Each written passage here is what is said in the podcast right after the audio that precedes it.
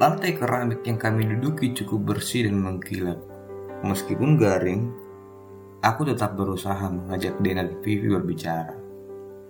Kadang suara kami hanyut oleh suara keributan yang datang dari sekitar. Tampaknya orang-orang di sekitar kami juga akan PPL, bertemu, layaknya seperti yang sedang kami lakukan. Saat percakapan terhenti, seorang lelaki bercelana jeans biru berjalan ke arah kami.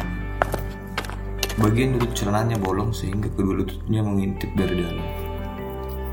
Celana itu sangat bercak hitam pertanda sudah lama tidak dicuci. Ia mengenakan kaos oblong hitam dengan motif gambar seorang pria bertopi, berewokan dengan sebatang cerutu melekat di bibirnya. Che Guevara tertulis di bawah gambar itu. Rambut lelaki itu hitam pekat, pendek dan acak-acakan Sorot matanya sangat tajam dan tubuhnya cukup tinggi dengan warna kulit sawo matang dan memiliki hidung yang cukup mancung. Ia berjalan dengan sebatang rokok pada himpitan bibirnya dan menggenggam sebuah buku catatan bersampul kulit berwarna coklat. Penampilannya seperti pengamen di lampu lalu lintas. Dia terus berjalan mendekat. Hai, ucap seraya mengulurkan tangan kepada kami. Aku Panca. Hah? Aku tertegun agak kelamaan. Orang ini panca. Aku tak menyangka dia berperawakan seperti itu. Aku sempat mengira dia rapi, bersih, dan berwibawa. Penampilannya itu tak menggambarkan bagaimana cara dia berkomunikasi lewat pesan WhatsApp yang terlihat sopan, baik, dan perhatian. Dira, balasku. Oh kau ya si Dira, udah lama kalian di sini. Lumayan lah, ucap Dena. Kalian punya air minum? Terlambat bangun aku, gak sempat tadi minum. Ucapnya. Berarti kau gak mandi ya? Ucapku dengan datar. Mandi kok, tapi gak sempat minum. Dena dan Vivi menggelengkan kepala. Lalu ia permisi untuk membeli minum, meninggalkan gedung itu dan menghilang.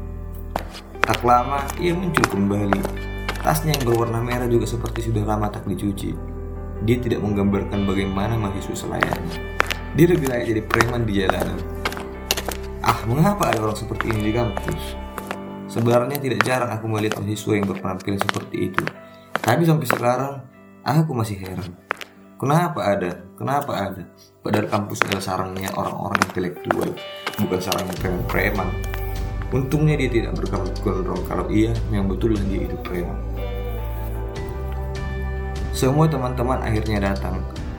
Aku merasakan sesuatu yang tidak enak. Pandangan mereka tampak sinis setelah mengetahui akulah orang yang tidak sepakat di grup itu. Namun aku tak peduli dan membalasnya dengan wajah sinisku. Singkat cerita rapat selesai.